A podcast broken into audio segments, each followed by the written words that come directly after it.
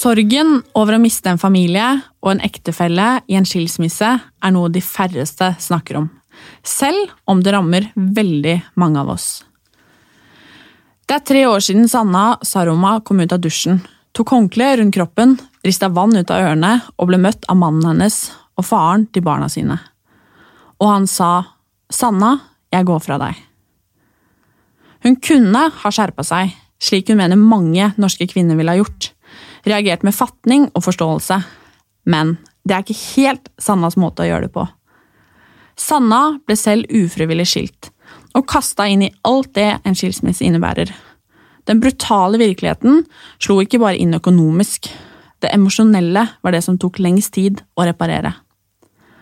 Skilsmissetallene er både stabile og høye i Norge. Det er rundt 20 000 mennesker som går gjennom enten en separasjon eller skilsmisse hvert år. Og hvordan overlever man?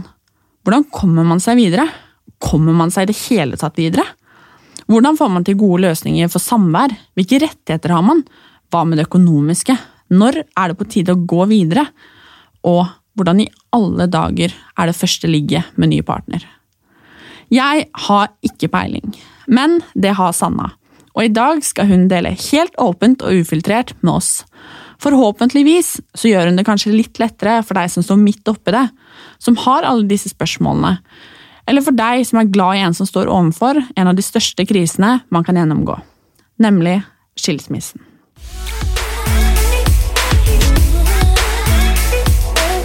Velkommen, Sanna. Tusen takk. Kult at du vil komme hit og prate om et hva skal man si, kjipt tema. Mm, det har jeg gjort nå i et halvt år, så, eller kanskje litt, enda litt mer. Så, jeg, så denne, dette kjipe temaet henger over meg. Jeg drar det med meg. Blitt ekspert på skilsmisse. Ja. ja.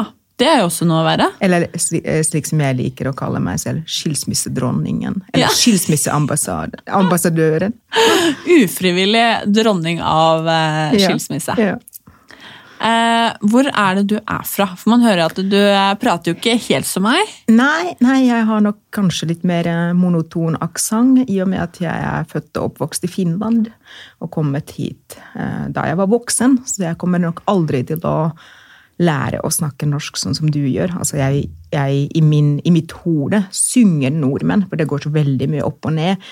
Og min norsk er mer som et sånt damplokomotiv. Altså at det holder seg på det jevne.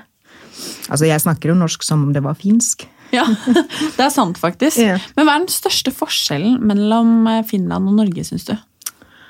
Uh, altså, Tenker du på mennesker? Uh, ja, altså Ja, Kultur, mennesker hva du, Velg hva du vil. Ja, altså jeg tror kanskje at nordmenn er litt uh, Litt blidere og litt um, Litt mer hyggelige på en sånn åpen måte. Altså at Finner er jo ikke uhyggelige. Men, men, de er kanskje hyggelige på en mer sånn introvert måte. altså at uh, Nordmenn ligner mer på Jeg har bodd i California, og der er jo folk ekstremt åpne og ekstremt hyggelige. Så jeg syns liksom at, at, nordmenn er uh, kanskje Nordens uh, Norge Nordens California. At, det var litt av et kompliment, syns jeg. wow!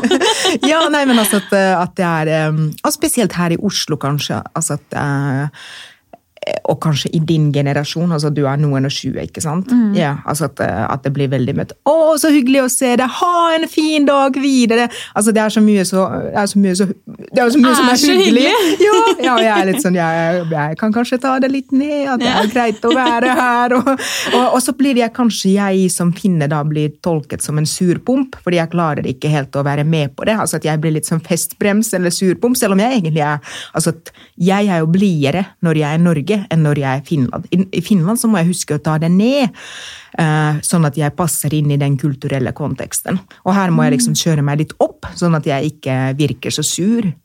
Men hvorfor kom du til Norge i det hele tatt? Nei, altså det er jo uh, han, uh, han Det var altså i, først, i, utgangspunktet, altså for første gang så kom jeg faktisk som utvekslingsstudent. Jeg tok uh, mellomfag i historie på Blindern. altså at Jeg skulle egentlig spesialisere meg på nordisk historie, og det gjorde jeg også. Så jeg var ett leseår her på Universitetet i Oslo. Men noen år, noen år seinere så kom jeg liksom for godt, fordi da hadde jeg møtt han som jeg trodde skulle være mannen i mitt liv, men er nå eksmannen i mitt liv. Uh, og nå er jeg jo litt sånn stakk, uh, så lenge som han lever. Eller liksom gjennom barna, vet du. At, altså, nå liksom, kommer jeg meg ingen vei. Men altså, det jeg er nysgjerrig på, og det mm. jeg tror de som lytter er nysgjerrig på også, hva skjedde? Du flytta til Norge. Er han norsk? Mm, ja. Han er norsk, ja. Så du kom til Norge da sammen eller med han? Uh, bodde her med han? Ja. Og hva skjedde? ja, altså For å uh, ta det litt altså at, uh, Det som skjedde, var jo egentlig at um, jeg møtte ham allerede da jeg var 17 år, fordi da var min storebror utvekslingsstudent i Norge. Han var på NTNU, og han bodde da uh, med min kommende ektemann og min kommende eksmann. Eh, og så begynte han, min kommende eksmann, å komme til, på besøk eh, Komme til Finland hver sommer. Og jeg var med på disse besøkene sammen med min bror. altså Vi var på hytta og fisket. og eh, og jeg skriver jo i den der skilsmisseboken som jeg har gitt ut, at for første gang kom han til Finland dagen etter at min far døde. Eh, og, eh, og, jeg husker liksom at jeg altså Vi var jo ikke noen kjærester da, vi, vi, var bare venner. Eller han var min brors venn. Eh, men vi gikk liksom sammen til likhuset alle tre, jeg og min bror og han. Mammaen vår hadde dødd et par måneder tidligere, så liksom, da var det liksom nå var liksom faren også død, og så, og så, dro vi til likhuset. Han ventet jo utenfor mens jeg og min bror skulle si farvel til pappa. Jeg var da 19 år. Og så etterpå min, min, far var alkoholiker, så han døde jo. Han drakk seg i hjel. Og så etterpå så dro vi hjem til mitt barndomshjem. Eh, og jeg og han, min kommende eksmann, vi da tok alle gamle ølflaskene og vodkaflaskene hans og gikk og pantet dem på butikken. Og så sa jeg til ham at dette er de siste ølflaskene jeg kommer til å pante i mitt liv. Eh, og det, det veldig sånn ironiske var, eller tragikomiske, var jo at de neste ølflaskene jeg skulle pante noen år seinere, ville være da hans. Altså at for noen år seinere så ble vi da kjærester. Eh, og da flyttet jeg til Norge. Eh, og, og, så flyttet jeg etter hvert sammen med ham. flyttet til Lillehammer, han er fra Gudbrandsdalen. Uh, og så, ja, så begynte vi å uh, Vi etablerte oss som familie, ble, gift. Jeg var, uh, jeg var, 24 da vi ble gift, og 25 da vi fikk første unge. Og så da jeg var 27, så, hadde, så fikk vi to barn til. Jeg husker jeg var 20, 27 og jeg tenkte at er jeg nå white trash at jeg har tre barn? Allerede. Nei, men det var tross alt med, med samme mann, alle tre, så det hjelper kanskje. Jeg røykte ikke. ja, fordi jeg tenker at liksom, Hvis du er 27 og har tre barn med tre ulike menn og røyker, det er da det er først da du er white trash. eh, og så, ja, eh, og så eh, hadde vi jo det som jeg trodde var liksom lykkelige år, eller i hvert fall så um, altså Lykkelig jeg kan være en sånn overdrivelse, men i hvert fall at jeg var fornøyd, og jeg syntes liksom at familielivet var stabilt og ok. og, så, og så var det da i i januar, altså nå er det akkurat tre år siden, januar 2017, helt på slutten av juleferien, at han da annonserer at han går ut. Eh, og, og jeg var Altså, selv om han Altså at Han hadde jo ikke hatt det bra, altså at, eh, men jeg hadde liksom ikke tenkt at han ikke hadde det bra pga. meg. eller liksom at, eh, altså at um, Jeg hadde jo for så vidt fått med meg at han ikke hadde det helt uh, på topp, men jeg hadde liksom ikke tatt inn over meg at, uh, at det var min skyld, eller at det var liksom pga. ekteskap eller familielivet, eller, eller, hva det var. Liksom jeg hadde tenkt at, okay, at han er i en depressiv periode, eller at det vil gå over og han får hjelp. men men han dundret da ut, uh, ut av ekteskapet, og det var ganske Eller det var veldig, veldig voldsomt. Uh, sånn som du leste, altså at jeg hadde egentlig akkurat holdt en vannsumba-time, uh, fordi jeg var vannsumba-instruktør i flere år. Og så var jeg i dusjen, og vi skulle egentlig på middag hos en vennefamilie, og han skulle ha hentet barna som var hos hans foreldre. Men han kom alene. Eller nei, han kom ikke alene, han hadde faktisk med seg en dame. Eh, som senere viste seg til å være en dame fra jobben hans som han hadde dratt med seg. Eh, jeg husker liksom hun damen, dama sa at jeg er her for å bistå i situasjoner som denne. Og jeg liksom, hva er situasjonen? Og da annonserer han at, at Sanna, at jeg går fra deg, og jeg har tatt barna fra deg fordi jeg er den beste til å ivareta dem.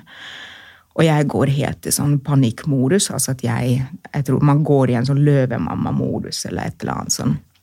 Altså helt, eh, Jeg løper ut. Jeg har bare det der håndkleet rundt meg. Jeg tar mobilen min og løper ut, og dette er 5. januar, og det er minus 19 grader på Lillehammer, og jeg løper ut med det håndkleet og begynner å skrike at uh, barna er stjålet, barna er stjålet. Uh, og så blir jeg plukket i en bil av Jeg ringer en venn og, som også for så vidt også er i nærheten og plukker meg i bilen sin. og og så følger det en ganske heftig eh, ettermiddag og natt hvor jeg prøver å finne barna og skjønne hva som skjer. Altså at, eller jeg for så vidt jeg klarer å skjønne at ok, han har nå gått ut av ekteskapet, det er greit nok. Men det virker liksom, altså akkurat der og da det er så innmari underordnet. Jeg tenker ikke på bruddet, jeg bare tenker at hvor er barna, jeg må finne barna. Uh, og, og, det er først dagen etter at, um, at jeg da uh, får jeg, jeg, jeg, har en venninne en venninne som anbefaler en advokat til meg. Og dagen etter så får jeg uh, Nei, nei det, var, det, var, sånn at jeg ringer faktisk til politiet. Og politiet sier at hans advokat har garantert at barna har det bra. Så vi, vi drar ikke etter ham. Og jeg er liksom hans advokat, og hvordan kan hans advokat vite at mine barn har det bra? Og det som jeg tenker da, og jeg sier ikke at, altså, dette var sikkert ikke i tankene hans, men i Finland så har vi et sånt begrep som heter utvidet selvmord. Og det er når far dreper seg selv og barna sine. Og det er dette jeg tenker, at, at, at, at liksom, er han også deprimert at han dreper alle sammen. Eh, og som jeg sier, altså, at jeg er noe, dette er ikke noe rot i virkeligheten, ikke noe annet enn at jeg er fullstendig i panikk og, og livredd, eh, og ikke skjønner hvorfor han skulle liksom ta barna. Så, eh, men ja, altså politiet nekter å gå etter ham. Og jeg tenker fortsatt den dag i dag at hadde det vært omvendt, at han hadde vært utenlandsk og jeg norsk, så hadde politiet gått etter ham. Eh, men i og med at han var på en måte den lokale, eh, og jeg var utlendingen, så, og han hadde registrert dette på forhånd, altså han hadde tatt kontakt med en advokat, han hadde meldt meg til barnevernet, altså han hadde på en måte planlagt det hele. Så jeg ble tatt fullstendig på senga, så, men dagen etter så fikk jeg meg en advokat, og så får jeg Min advokat får da en rettsbegjæring fra hans advokat, som da inneholder dette kravet om at han skal ha 100% omsorg for barna. Uh, og, og, jeg husker dette som en sånn megakrenkelse. Uh, fordi jeg hadde vært på det tidspunktet flere år halvt hjemmeværende. Uh, og så står det i den rettsbegjæringen at jeg kan få samvær med barna 32 timer i året under tilsyn. Og jeg, liksom, jeg, bare, altså jeg blir fortsatt helt sånn rustet inn i, inn i hjerterota av at noen kan Jeg har akkurat sett den der Netflix-filmen The Marriage Story, som minner veldig om min skilsmisse. altså som blir nesten litt sånn, altså I The, The Marriage Story det blir, rev, eh, altså det blir drevet videre av to sånne blodhungrige advokater. Eh, men, men altså at dette dette var da den virkeligheten jeg måtte liksom forholde meg til, og jeg var, jeg langt, langt nede. Uh, så, men, men, altså at, uh, hva skal jeg si, at det, det, løste seg. altså Det gikk jo ikke dit enn at jeg mistet barna. Altså at vi kom jo fram til en løsning i løpet av den, den samme helgen. Uh, men det var liksom oppstarten. Altså. Det var, og, det var kanskje altså Jeg har skrevet i skilsmisseboken. altså Dette er selvsagt fra min side bare spekulasjoner, i og med at jeg aldri har fått en ordentlig samtale med ham hvorfor han gjorde det på denne måten. Men, uh, men, det er jo noen advokater som bruker det som en taktikk. Altså at man går vanvittig høyt på banen og skremmer den andre. Og det klarte jo både han og hans advokat, så til de grader. Men hva var liksom, hva var grunnen til at han plutselig bare Nei, Sanna, nå skal jeg skille meg, jeg skal ta barna, og jeg Altså hvis ikke du hadde liksom forutsett det i det hele tatt? Um, Altså, Dette blir jo litt sånn å spekulere. Du skulle kanskje invitert ham på studio for Ja. å svare på dette. Du skulle jeg drevet med litt sånn skilsmisse eller litt sånn Ja, terapi her ja, nei, eller enda bedre. Altså, altså, fordi dette Jeg skriver i skilsmisseboken at alle skilsmisser har jo to historier. Mm. Og hans historie er jo uh, sik sikkert helt annerledes. Uh, men hvordan den er, altså, det har jeg bare fragmenter av. Uh, og, og det er jo liksom litt sånn etterrasjonalisering hos meg. altså at jeg Én ting er jo at eh, de siste årene i ekteskapet vårt, eh, så så jeg pleier, liksom, jeg pleide å si at en dama henger som en skygge over ekteskapet vårt. eh, Og For hadde han ny kjæreste? altså dette jeg hadde mistanke om at han hadde en på si, altså en sånn hans egen student som han veiledet veldig mye. Altså det var mye veiledning til og med første og andre juledag, når man skulle tro at ingen trenger å skrive doktor, doktorgradsavhandling. Men, men altså at, eh, som, som kone ønsket jeg jo altså at jeg trodde på familien, og jeg ville jo tro på ham. Eh, Så jeg, liksom, jeg har etterkant liksom tenkt at hvorfor, hvorfor lot jeg ham dra eh, liksom, på jobb første og andre juledag for å veilede henne? Altså, det er jo så, det er jo så hinsides. Altså at, eh, det, er jo ingen, ingen høyskole eller universitet hvor man jobber første og andre juledag. Men, men altså, da var jeg nok Jeg ønsket så å tro på at at vi var en familie, og kanskje de hadde en oppriktig faglig interesse, hva vet jeg, nå ler jeg av det. Men ehm, jo, altså at, eh, Og så skjer det jo typisk, altså et, et halvt år etter at han har gått fra meg, så kommer de ut av skapet på jobben uh, som, som kjærester. Og vi jobbet jo alle på altså da, På dette tidspunktet så jobbet jeg ikke lenger der, men uh, vi jobbet jo på samme uh, avdeling, samme forskningssenter, til og med samme gang, jeg og hun dama og han. Eh, og, og jeg var jo alltid sjalu på henne, fordi de hadde så mye Eller han veiledet henne så mye, og det var så hyppig. Var det samme dama som var med hjem til dere? Nei, faktisk ikke. Det var en annen dame. Det var en annen doktorstudent fra den samme avdelingen, oh, ja. det samme forskningssenteret. Okay. Ja, dette er Høgskolen i Innlandet. Her er vi involvert i skilsmisser så til de grader. Nei, så det var um, jo, altså at, eh, at dette var jo en dame som jeg hadde vært eh, sjalu på i lang tid, og, og så kom de som sagt ut av skapet seks måneder seinere, og da tenkte jeg at ok, da var det ikke bare i hodet mitt de siste årene i ekteskapet, altså da var det noe. Men uh, dette vil han benekte eh, sterkt, og det skjønner jeg, fordi det er ikke stuerent på universiteter og høyskoler at en professor har et forhold til sin egen doktorgradsstipendiat. Altså, det er jo ikke, det er jo ikke riktig, men, eller det er ikke lovlig, det er etisk uforsvarlig. Men altså, jeg, jeg har jo ikke noen tekniske bevis à la sædflekker på kontorgardiner eller noe sånt, men, men samtidig er det en sånn følelse av at man tar jo sjelden feil. altså at uh, Kloke koner tar sjelden feil når uh, menn kommer hjem og liksom det er endringer i mønstre. hvordan de, uh, Og det samme andre veien også. altså at Når man har bodd sammen med noen i veldig lang tid, så skjønner man jo når noe er sånn som det ikke skulle være. Men ja, så dette var um, Altså det er jo altså Man kan jo selvsagt Eller man kan drøfte og analysere og tenke at er det liksom Forlot han meg av henne, eller var forholdet vårt så dårlig? Og det blir kanskje to sånne eh, Altså det blir jo eh, de utbryterne som jeg intervjuet for boken min, de som har en annen, de på en måte samtidig Det blir også en sånn pull-faktor, det å ha en annen. Og når man har en annen som gir beundring og støtte og, og kjærlighet, så ser man kanskje det man har hjemme, altså det ekteskapet, samboerskapet, så ser man det også kanskje med litt styggere øyne. Altså at det blir litt sånn selvbekreftende når du har eh, Altså at eh, alle, alle de som har vært gift en stund, kan jo, kan jo kanskje relatere seg til, forholde seg til eller skjønne dette.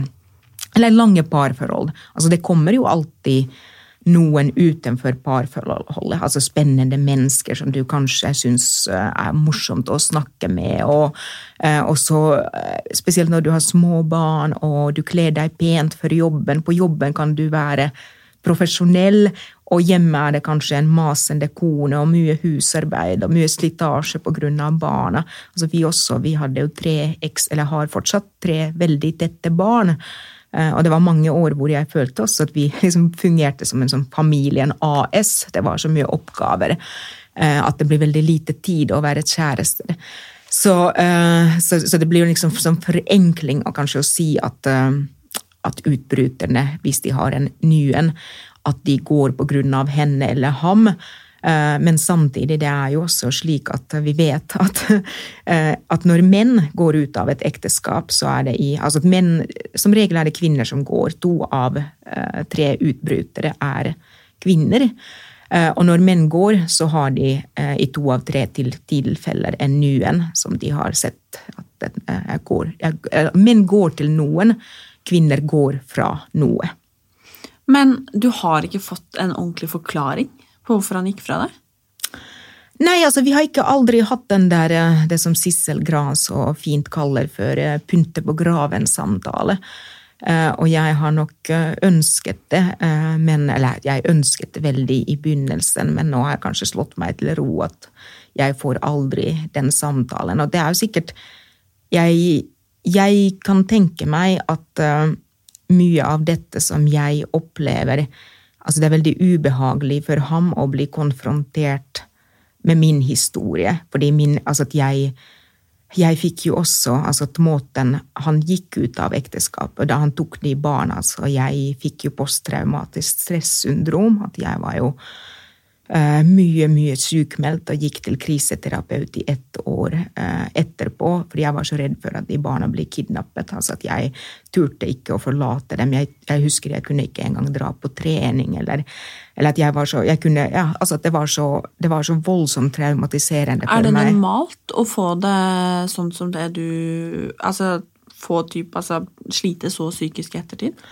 Eh, altså at Min skilsmisse var kanskje ikke normal. altså at de, de, fleste går kanskje litt mer skånsomt ut, et, ut, av et langt parforhold. Det er normalt å slite. Eh, altså Noe som posttraumatisk stressyndrom er jo ikke normalt, og det trenger man jo heller ikke å få. Men at eh, spesielt de forlatte sliter, ja, det er, det er normalt. altså at eh, det er mye høyere hyppighet forekomst av psykiske lidelser eh, blant de som blir forlatt, og, og gjerne flere år i flere år etterpå, altså kan vare i, i tre år. Og jeg, eh, liksom jeg tenkte eh, du, du spurte innledningsvis at, eh, altså at kommer man seg videre, kommer man seg noensinne videre? Og jeg hadde egentlig tenkt eh, en lang stund nå at ja, nå har jeg liksom kommet meg videre, og livet er ganske bra. Og så, og så kommer det sånne voldsomme backlashes. Jeg Altså at akkurat nå er jeg i en sånn backlash-periode, for jeg møtte ham på familievernkontoret forrige uke. altså nå, nå, er det over en uke siden. Og jeg har liksom nesten ikke klart å sove etterpå. altså at Det var liksom så tøff påkjenning å, å møte ham. Og det er noe med at um, altså sånne gamle ekser og ektefeller kan jo drive hverandre til vanvitt på mange måter. Eh, og altså, Vi har jo sikkert veldig sånne inngrodde væremåter med hverandre. Og han klarer å på en måte få det verste ut av meg, og jeg kanskje klarer å få det verste ut av ham.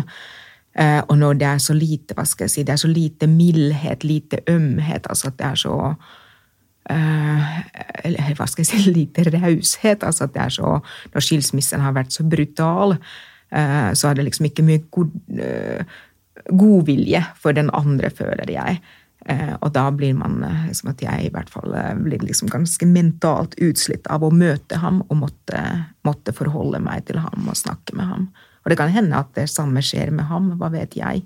Mm. Men hvordan har du tatt det?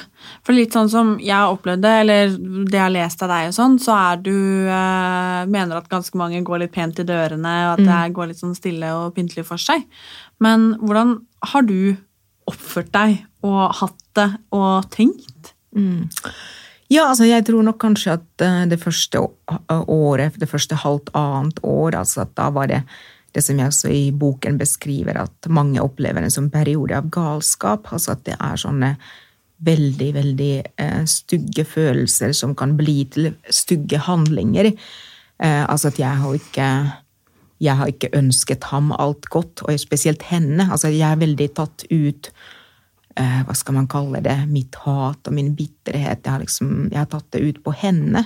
Eh, det, er, eh, det, er, litt sånn van, veldig vanskelig for meg å si jeg er ingen psykolog, men, eh, men det er kanskje noe altså jeg, jeg har liksom resonnert det fram til at, eh, at han er liksom faren til mine barn. Eh, og for å liksom beholde noen slags respekt for ham som far. Det er på en måte lettere å ha de stygge følelsene knyttet til henne, som på en måte kom utenfor det der familiefellesskapet. Eh, og, og, og, som jeg mener eh, gikk inn for å ødelegge. Altså selvsagt altså, Fra et annet perspektiv, altså at hun sikkert bare falt for ham. Men, men altså de, det er jo også et valg. altså at jeg tenker at Man sier alltid at man, kan, at man ikke kan styre følelser, men visst faen kan man styre følelser. Det er jo de som er man gift, for eksempel, så må man jo styre følelser. At hvis man møter spennende folk, så må man liksom la dem være der de er. Um, Eh, så, så, jo, altså at, eh, jeg, eh, altså at, jeg, har beskrevet dette både i boken og, og snakket om det på Skavlan. Altså dette at da jeg en gang så hennes bil parkert hos ham Jeg skulle egentlig bare hente Husker ikke om det var eldstemann eller hans sykkel eller begge deler hos ham.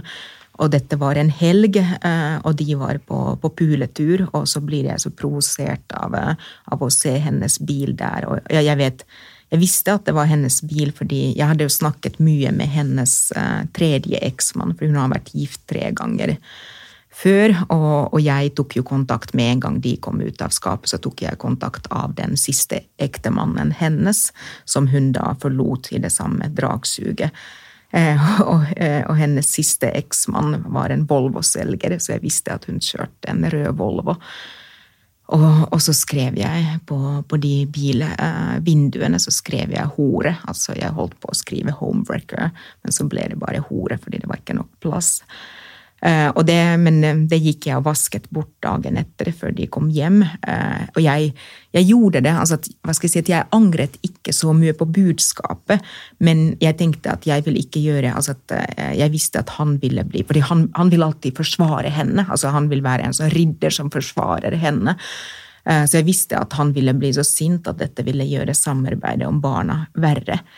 Fordi han går alltid en sånn, altså sikkert som en en god kjæreste skal. Men, men, og det er forresten en sånn veldig um, vanskelig ting. Altså hvordan den der lojaliteten over natta Altså når, eh, når han slutter å være mannen min, altså slutter å være lojal mot meg, og plutselig er lojal mot en annen kvinne, og den der helt jævlige følelsen eh, Altså hvordan han da beskytter henne liksom mot meg.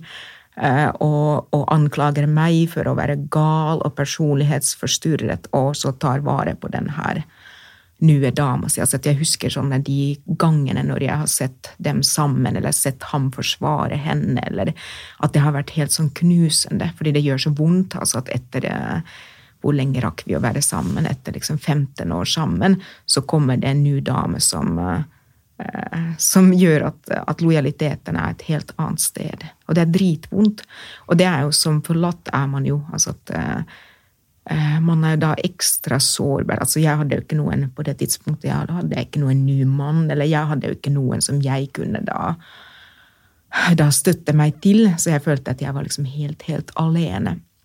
Og så, uh, og så gjaldt det å være så sterk, uh, eller at skulle vært så sterk på så mange områder, men så klarer man ikke det fordi man er så, man er så lamslått av den der avvisningen. Altså at uh, først blir man liksom kastet som kone, og ikke nok med det, så kommer det en ny dame som jeg egentlig de siste årene i ekteskapet har, uh, har hele tiden sammenlignet meg med at hva har hun som jeg ikke har? Og det, det har vært en Altså nå er jo uh, Nå er det tre år siden, og jeg klarer å være stort sett ganske likegyldig. Ganske likegyldig. Det er noen sånne ting altså at jeg må være veldig bevisst på å ikke mate den bitterheten, men, eh, men det er jo sånne elementer der som, som kanskje har gjort denne det siste halve året har kanskje vært litt sånn vanskelig, fordi som jeg sa, at vi jobbet alle på samme, samme sted og på samme gang, til og med. Og jeg hadde jobbet der i ti og et halvt år som midlertidig. Og jeg fikk ikke noen fast jobb eller forlengelse, og jeg det siste halve året har jeg vært arbeidsledig. Eh, og hun gikk rett til en fast jobb etter at hun var ferdig med denne doktorgraden som han veiledet. Uh, og, og nå, har, nå, er det bare de to som har kontorer ved siden av hverandre. Og det føles liksom som nå som dagpengene mine er kanskje sånn 300 000 i året, og, og hun har en fast jobb og tjener over 700 000 i året. Eh, og, og, og liksom at, at, det er liksom sånn, det er sånn at, at eh, liksom at virkelig sittet med en sånn følelse at the winner takes it all. altså at Litt sånn at du har tatt alt fra meg. Familien min og nesten jobben min og mannen min, og her sitter jeg og naver. Mm. Oi, oi, oi. Jeg må ja. knekke stemmen, jeg. For jeg lurte på det med det økonomiske. Mm. Og liksom med barna. Mm. Altså, hvordan sjonglerer man det her? Altså, liksom, mm. Du går fra å liksom, ha to inntekter til å mm. plutselig bare ha én. Mm. Eh, egentlig skulle ta barna på den samme måten. Mm. Skulle dele på barna. Altså, Hvordan løser man det rent sånn praktisk? Ja, altså det er veldig mange ting, eh, mange ting som skal løses, og det er, det er drittøft, fordi det praktiske skal, skal, løses samtidig når man er i dyp emosjonell krise. Eh, og, det jeg skriver i skilsmisseboken, at alle disse tapene kommer samtidig. Eh, at eh, de fleste av oss har jo opplevd en kjærlighetssorg, og det i seg selv kan jo være veldig sånn at man blir veldig lamslått av det. Noen oppsøker lege, legevakt, psykolog. Og når i tillegg til den der eh, lammede kjærlighetssorgen, så skal man begynne å fordele barn, man skal finne liksom samværsløsning for de barna. Og så kommer det økonomiske. Altså, jeg husker også at jeg var så preget av en redsel at jeg ikke går rundt. Uh, fordi jeg hadde jo uh, da jobbet deltid i noen år. Uh, og, og jeg, jeg, husker ikke om jeg hadde inntekter rundt ja, kanskje akkurat snaut 400 000 i året, eller noe sånt. Og, og ja, altså at det blir en helt annen livsstil. Eh, heldigvis er vi i Norge, så de aller, aller fleste har ganske mye å gå på. Uh, og så Sånn sett var jeg kanskje litt heldig at vi tross alt bodde i provinsen. altså Jeg, har jo intervjuet skilte i Oslo hvor, uh, hvor også liksom hjemmet må selges. altså Bekke må finne nye steder å bo. altså Det er ingen som kan bli boende, kjøpe den andre ut fordi det blir rett og slett for dyrt. Uh, jeg um, jeg holdt på å si at jeg er heldig, men, men, det er jo liksom sånn Jeg vet ikke hvor heldig jeg er av å ha mistet min mor og far da jeg var ung, men, men eh, da, jeg, da, min mor og far døde altså Jeg var inne på det da min far døde da jeg var 19, og så arvet jeg jo barndomshjemmet.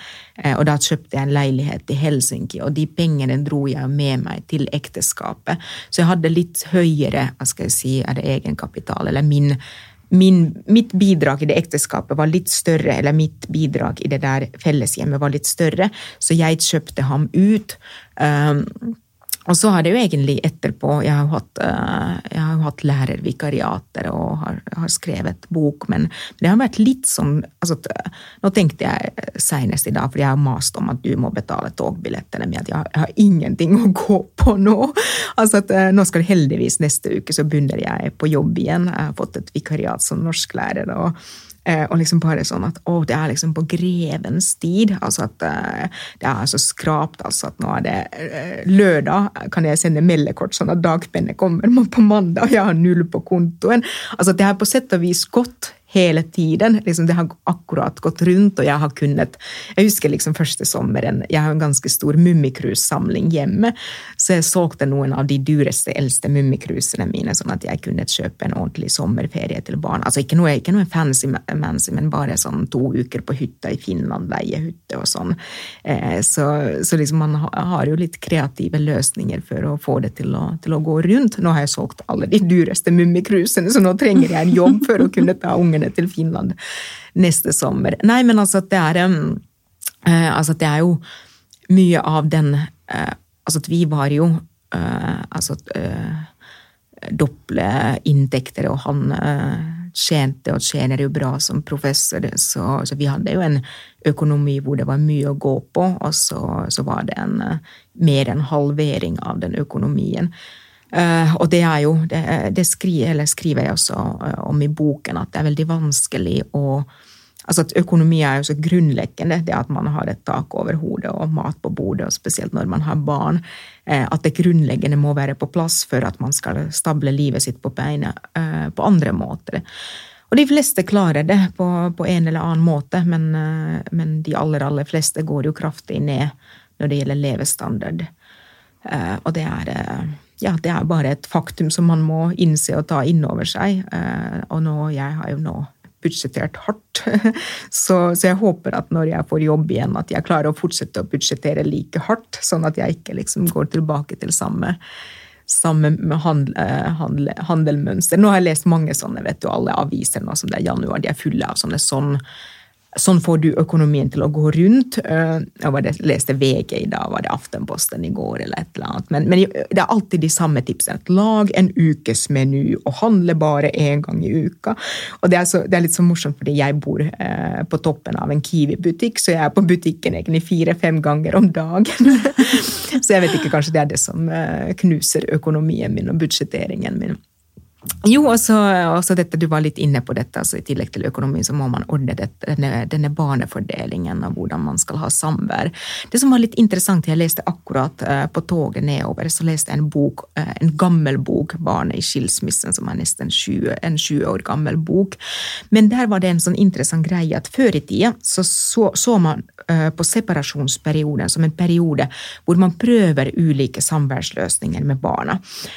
og det, det har man gått bort fra fordi det blir gjerne sånn at hvis, hvis dette går til en rettssak, så tar dommeren eller, eh, eller, eh, rettssystemet tar i utgangspunkt i den der, det forsøket som har vært. Så ingen tør å prøve noen løsninger i tilfelle den andre går til retten og da sier at dette er nå status quo, at dette har vi prøvd i et halvt år. Og, og det var et, et, et, viktig tankekors, for jeg husker jo også at um, altså at um, jeg husker også da, da han uh, tok, denne separasjonen, eller dundret ut av ekteskapet. Jeg fikk den der advokaten. Advokaten spurte meg Sanna, at hva er det lengste du kan gå med på? Hva, liksom, hva er du villig til å gi? Hva tenker du? Uh, hva vil fortsatt gå? Og jeg, uh, jeg hadde alltid vært en sånn motstander, motstander av sånne 50-50-løsninger, for jeg tenkte at det var liksom det beste for de voksne, men aldri det beste for de barna. Men jeg sa, at, jeg sa til min advokat at jeg kan gå med på en 50-50-løsning hvis det er vi som flytter, og ikke barna. At vi ikke utsetter barna for denne flyttingen og det å bli sendt på sånn evig vandring. Eh, og, og, det var da det som min advokat tilbød til Eh, til han og hans advokat, og han gikk med på det. Så det første året eh, samværsløsningen var at vi flyttet og var liksom annenhver uke ut av huset, men barna fikk være i, i barndomshjemmet sitt i huset som jeg nå, jeg nå eier. Eh, og det var eh, men, men, det som var der, var jo at, at, at jeg hadde jo aldri, altså da jeg den 5. januar, da han dundret, dundret, ut. Jeg hadde ikke engang googlet på samværsavtale eller skilsmisse. Så det var veldig sånn panikkartet og veldig sånn at jeg skulle der og da. Nå må jeg liksom bestemme meg hva er det beste for barna våre, hva er det beste for meg? Altså at Det var helt sånn, det var helt, helt science fiction, husker jeg. Jeg tenkte at dette er ikke mitt liv. Eh, men ut ifra eh, de forutsetningene så syns jeg egentlig at jeg kom meg godt ut, eller at jeg syns det var liksom klokt av meg at jeg sa det. Eh, at jeg Fordi jeg, jeg mener, men, mente da, og mener fortsatt, at det var med på å gi barna den nødvendige stabiliteten.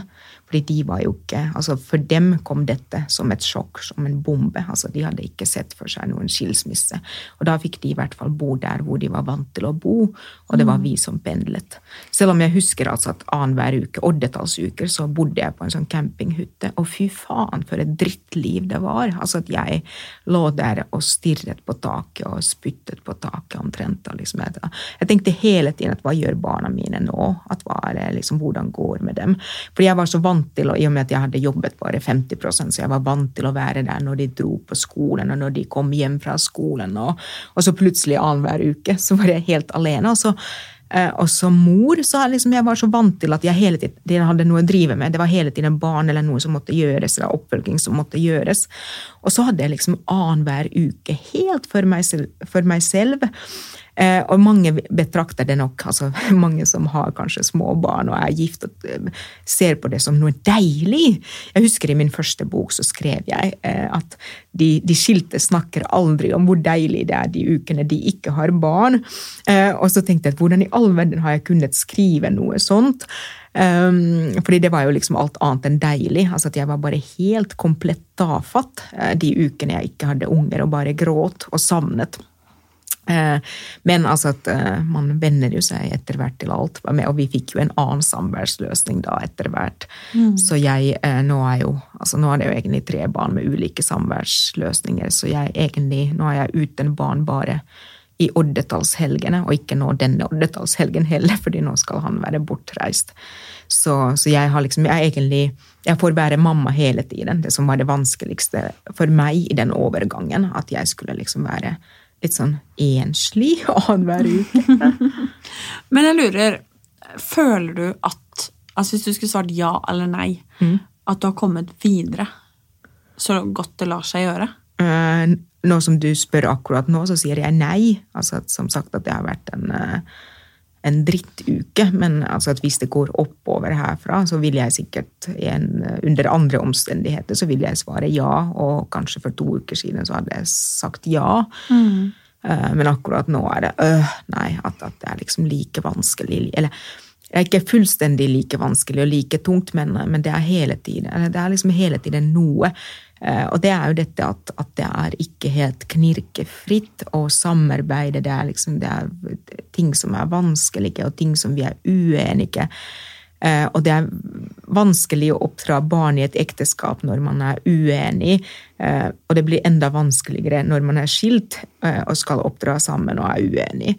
Eh, og da er det litt sånn at, eh, at det er en sånn klump i meg, altså en bekymring i meg. altså Bekymring for de barna. Og så er det litt sånn det som jeg savner eh, altså litt, Dette går kanskje litt på det der med lojalitet. at når man er gift og har barn sammen, det er ingen andre som er altså Det er bare den eh, barnefaren som man kan dele den stoltheten over de barna og den kjærligheten. Det er bare vi to som elsker de barna så mye, og det er bare vi som skjønner hva framskritt er hos de barna. Uh, og, og, det er jo litt sånn kjipt å være alene sånn sett at, uh, at uh, man kan liksom ikke dele Altså I veldig i sånne lykkelige skilsmisser, eller skilsmisser hvor mor og far er mer gode venner, eller i det minste siviliserte, det er kanskje lettere å dele den stoltheten. Eh, og, og, og, gleden, men, eh, men, der er vi nok alene. Altså at vi, eh, vi har liksom ikke I og med at vi ikke bruker hverandre som samtalepartnere, eller at, at det er så vanskelig i det samarbeidet, så klarer vi heller ikke å være forenes om stoltheten rundt barna.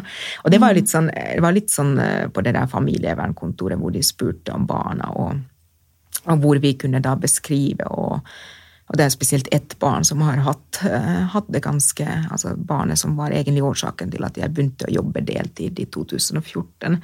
Uh, som har slitt ganske mye, og, og, nå som han endelig blomstrer. Og vi begge er jo liksom tydelig stolte av ham og fortelle alt han får til. Uh, og, og, så egentlig nå hører for første gang hverandre og si det høyt. Eh, og er til stede eh, på samme rom. Og dette er noe vi hadde delt daglig hvis vi hadde liksom fortsatt vært sammen.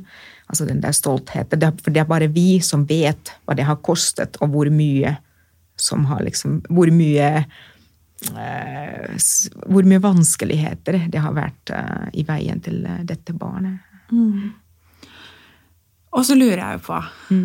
eh, Når man har gått gjennom en skilsmisse, og så skal man jo liksom prøve å stable seg på bena. eh, han har jo funnet seg en ny eh, partner, mm.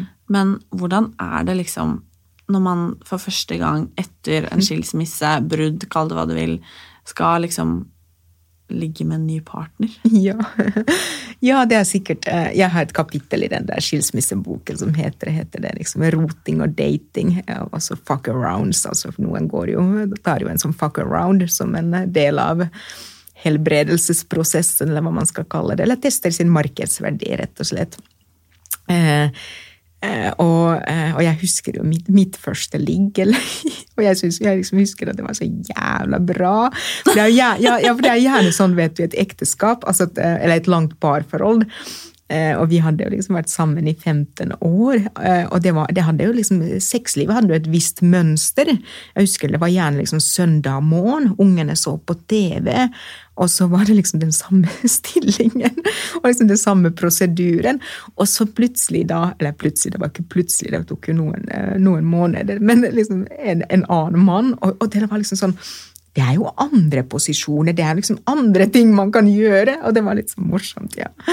Ja, så, og, og, det kan jo være altså, det kan jo være en trøst i seg selv. Og, og jeg husker jo også liksom, jeg trøstet meg selv med, ikke, ikke nødvendigvis med sex, men, men, jeg husker at å, nå har jeg i hvert fall lov til å oppleve forelskelse i hvert fall én gang til. Eh, og det, jo, det, kan man jo ha i mente selv om man ikke har en ny partner der og da. At de fleste kommer til å oppleve det. Altså De fleste på et eller annet tidspunkt uh, kommer til å finne en annen som de forelsker seg i. Og, og, kanskje lenge før den tiden finne noen i hvert fall som de kan ligge med, hvis, uh, hvis det er ønskelig. Uh, det er, jeg har mange informanter i boken min som har testet sin markedsverdi i byen og på Tinder. og ja, og hatt, hatt trøstepartnere, rebound-partnere. Så det er jo et nytt landskap som man kan egentlig kose seg med med god samvittighet, bare man husker kondom. For det er, det er interessant Jeg leste om en sånn studie amerikansk studie, men det er kanskje ingenting som tilsier at det ikke vil være overførbar eh, til norske forhold, nemlig at kvinner, single kvinner, de er mye flinkere til å bruke kondom når de er i 20-årene, enn når de er nyskilte i 30- og 40-årene. Mm. Det er liksom som om sykdomsrisikoen var forbi, men det er jo ikke det. Altså, det er jo de samme sykdommene. Logisk, faktisk. Logi det, ja, logi altså det, mm. kan jeg tenke meg. Mm. At det faktisk er sånn. Man tenker ja, ja, nei, men det er jo ikke Det var jo sånn når man var ung, liksom. Ja. Mm. ja. Men jeg lurer også på, for jeg tenker, som vi snakka litt om, at han er jo ikke her. Ikke? Mm. Det er jo to sider av denne mm. saken. Uh, ha, tror du han er liksom sur for at du snakker så åpent om dette her? Ja, det, altså at han er veldig annerledes enn meg som vesen. Altså at han er uh, han er døl. Han er veldig sånn stille, sindig uh, mann. Uh, altså at alle vil nok um, Altså at han passer så, så himla godt i den kulturelle konteksten hvor vi bor. Vi bor på Lillehammer, og, og han er veldig sånn gudbrandsdøl. Altså at de er liksom ikke mye prat. Eh, veldig sånn solid. og, så, og, jeg tenker jo ofte når jeg har møtt ham på, altså på familievernkontoret og barnevernet og ja, på diverse sånne velferdsstatens arenaer, at, eh, eh at eh, at jeg blir på en måte outsideren. Jeg vil alltid være outsider i kraft av å være utenlandsk, uh, finsk. Jeg har litt mine kulturelle koder er annerledes. Altså, det er på en måte han som alltid glir inn. Vi er alltid på hans hjemmebane.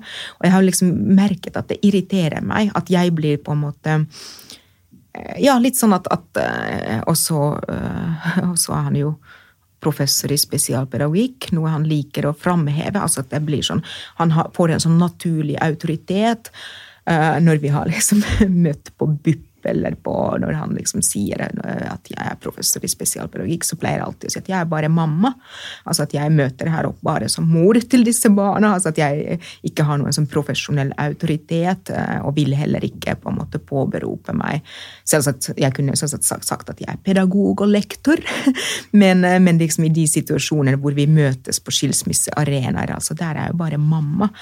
Eh, og ikke, har ikke noen annen, ikke har ikke noe annet ståsted, sånn sett. Men jo, altså eh, han er nok eh, Jeg tror nok at det er veldig vanskelig for ham. altså er, Eller nå er han sikkert vant til det, i og med at jeg snakket om skilsmisseboken i over et halvt år. Og jeg tror nok at han unngår å Jeg tror ikke han er den første til å høre på denne podkasten, eksempel. Um, så jeg tror nok at Kanskje han burde det? ja, ja, for å liksom ta, endelig liksom høre på at dette er min historie, kan du være så snill liksom prøve å ta det, noe av dette innover deg og møte meg med litt mer ømhet. Men, men samtidig, jeg tror at uh, det er jo litt slik at uh, vi klarer innmari godt å leve med vår egen atferd. Altså at vi legitimerer vår egen atferd. Og så, sånn som Jean-Paul Sartre sa, at helvete, det er de andre. Så jeg tror nok at han klarer utmerket godt å leve med det han har gjort, og tenker at, at jeg, jeg, er helvete her. Og, og, og, så kan det Altså dette er litt sånn typisk Jeg skriver i boken at hvordan eksene på hver sin side driver hverandre til vanvidd. Og det er jo litt sånn, jeg tror jo, hvis man skal finne sånn noe sånn eh, altså Etter skilsmissen går man i sånn selvransakelsesmodus. At hva gjorde jeg galt? Hva var galt? Hvorfor funker dette ikke? Hva, hva, gikk galt?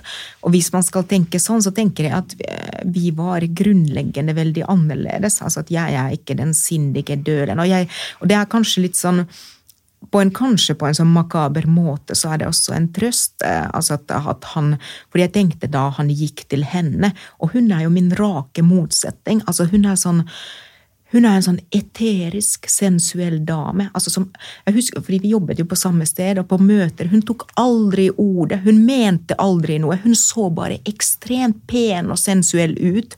altså litt, og Jeg husker liksom, det var mange menn der som falt for henne. Liksom, jeg, jeg, skjønner fortsatt ikke disse mennene som faller for denne kvinnetypen, som liksom ikke har noe altså Jeg vil jo tippe at på privaten så har hun meninger. Jeg må for guds skyld håpe det. At hun har noen meninger, at hun ikke bare er et sånt pent skall men, eh, men veldig forsiktig, veldig sånn som sagt eterisk og sensuell. Um, hadde litt sånn guddommelig glow over seg.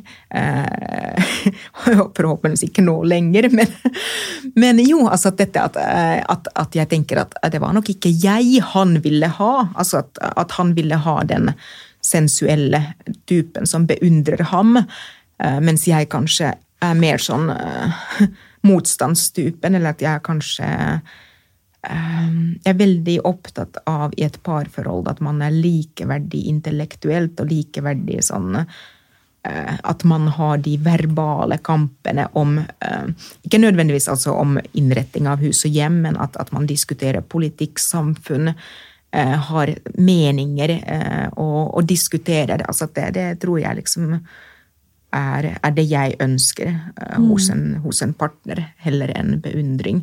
Men dette er jo selvsagt min superenkle analyse. Altså, jeg, uh, jeg, tenker at han gikk til beundringen, og litt kanskje uh, I og med at det, det var så mismatch altså når han er professoren og hun er studenten, altså da er det en mismatch der ikke nødvendigvis på det intellektuelle, eh, men på mm, belesthet, på hvilket nivå man er i løpet.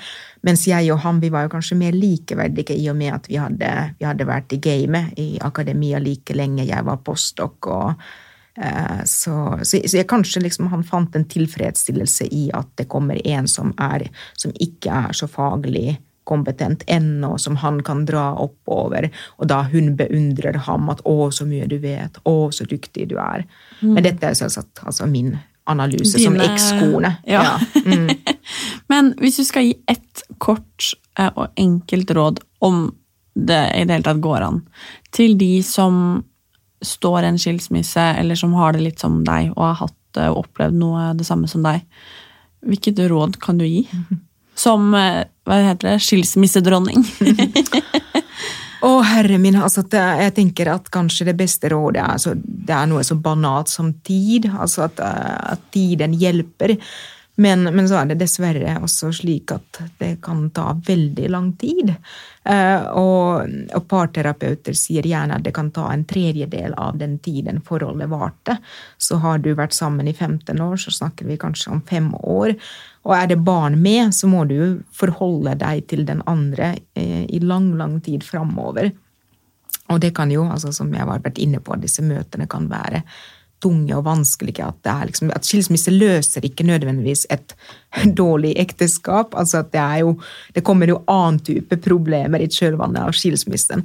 Men da så må man jo også huske på at, at um, Altså at når det er vanskelig, at det er viktig å liksom prøve å løfte blikket litt. Eh, og, og håpet kommer når man klarer å tenke at hva er det jeg ønsker å gjøre med mitt liv?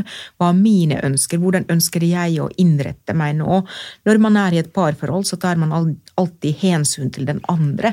Sånn som jeg alltid Altså, jeg ble litt døl, litt mer døl av å være med ham. altså at Han prøvde alltid å dempe meg litt. altså Ikke helt sånn direkte, men, eh, men jeg merket jo hans manglende aksept for meg. Eller han syntes nok at jeg ble litt too much, så jeg tok meg litt ned når jeg var, var sammen med ham.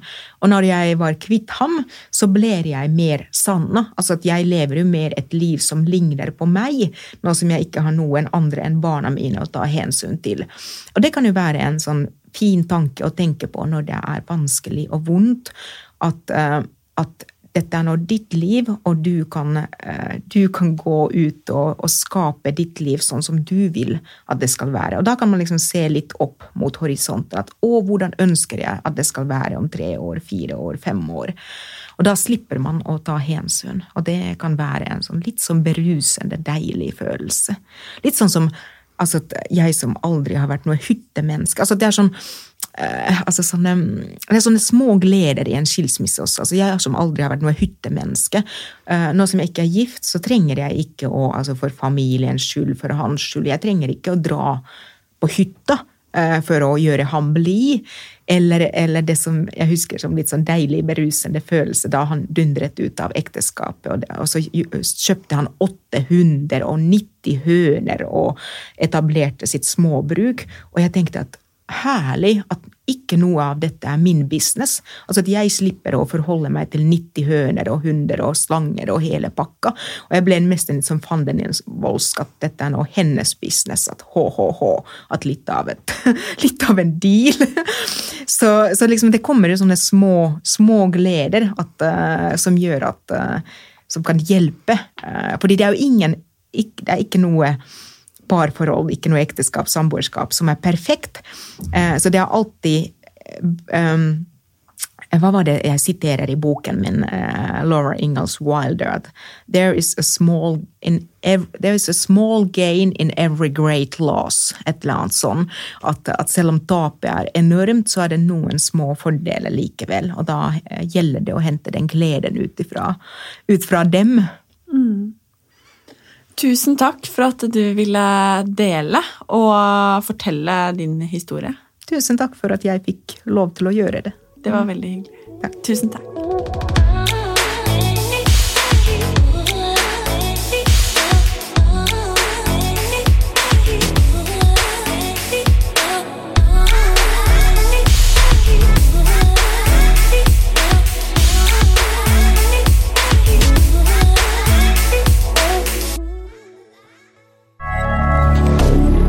Moderne media.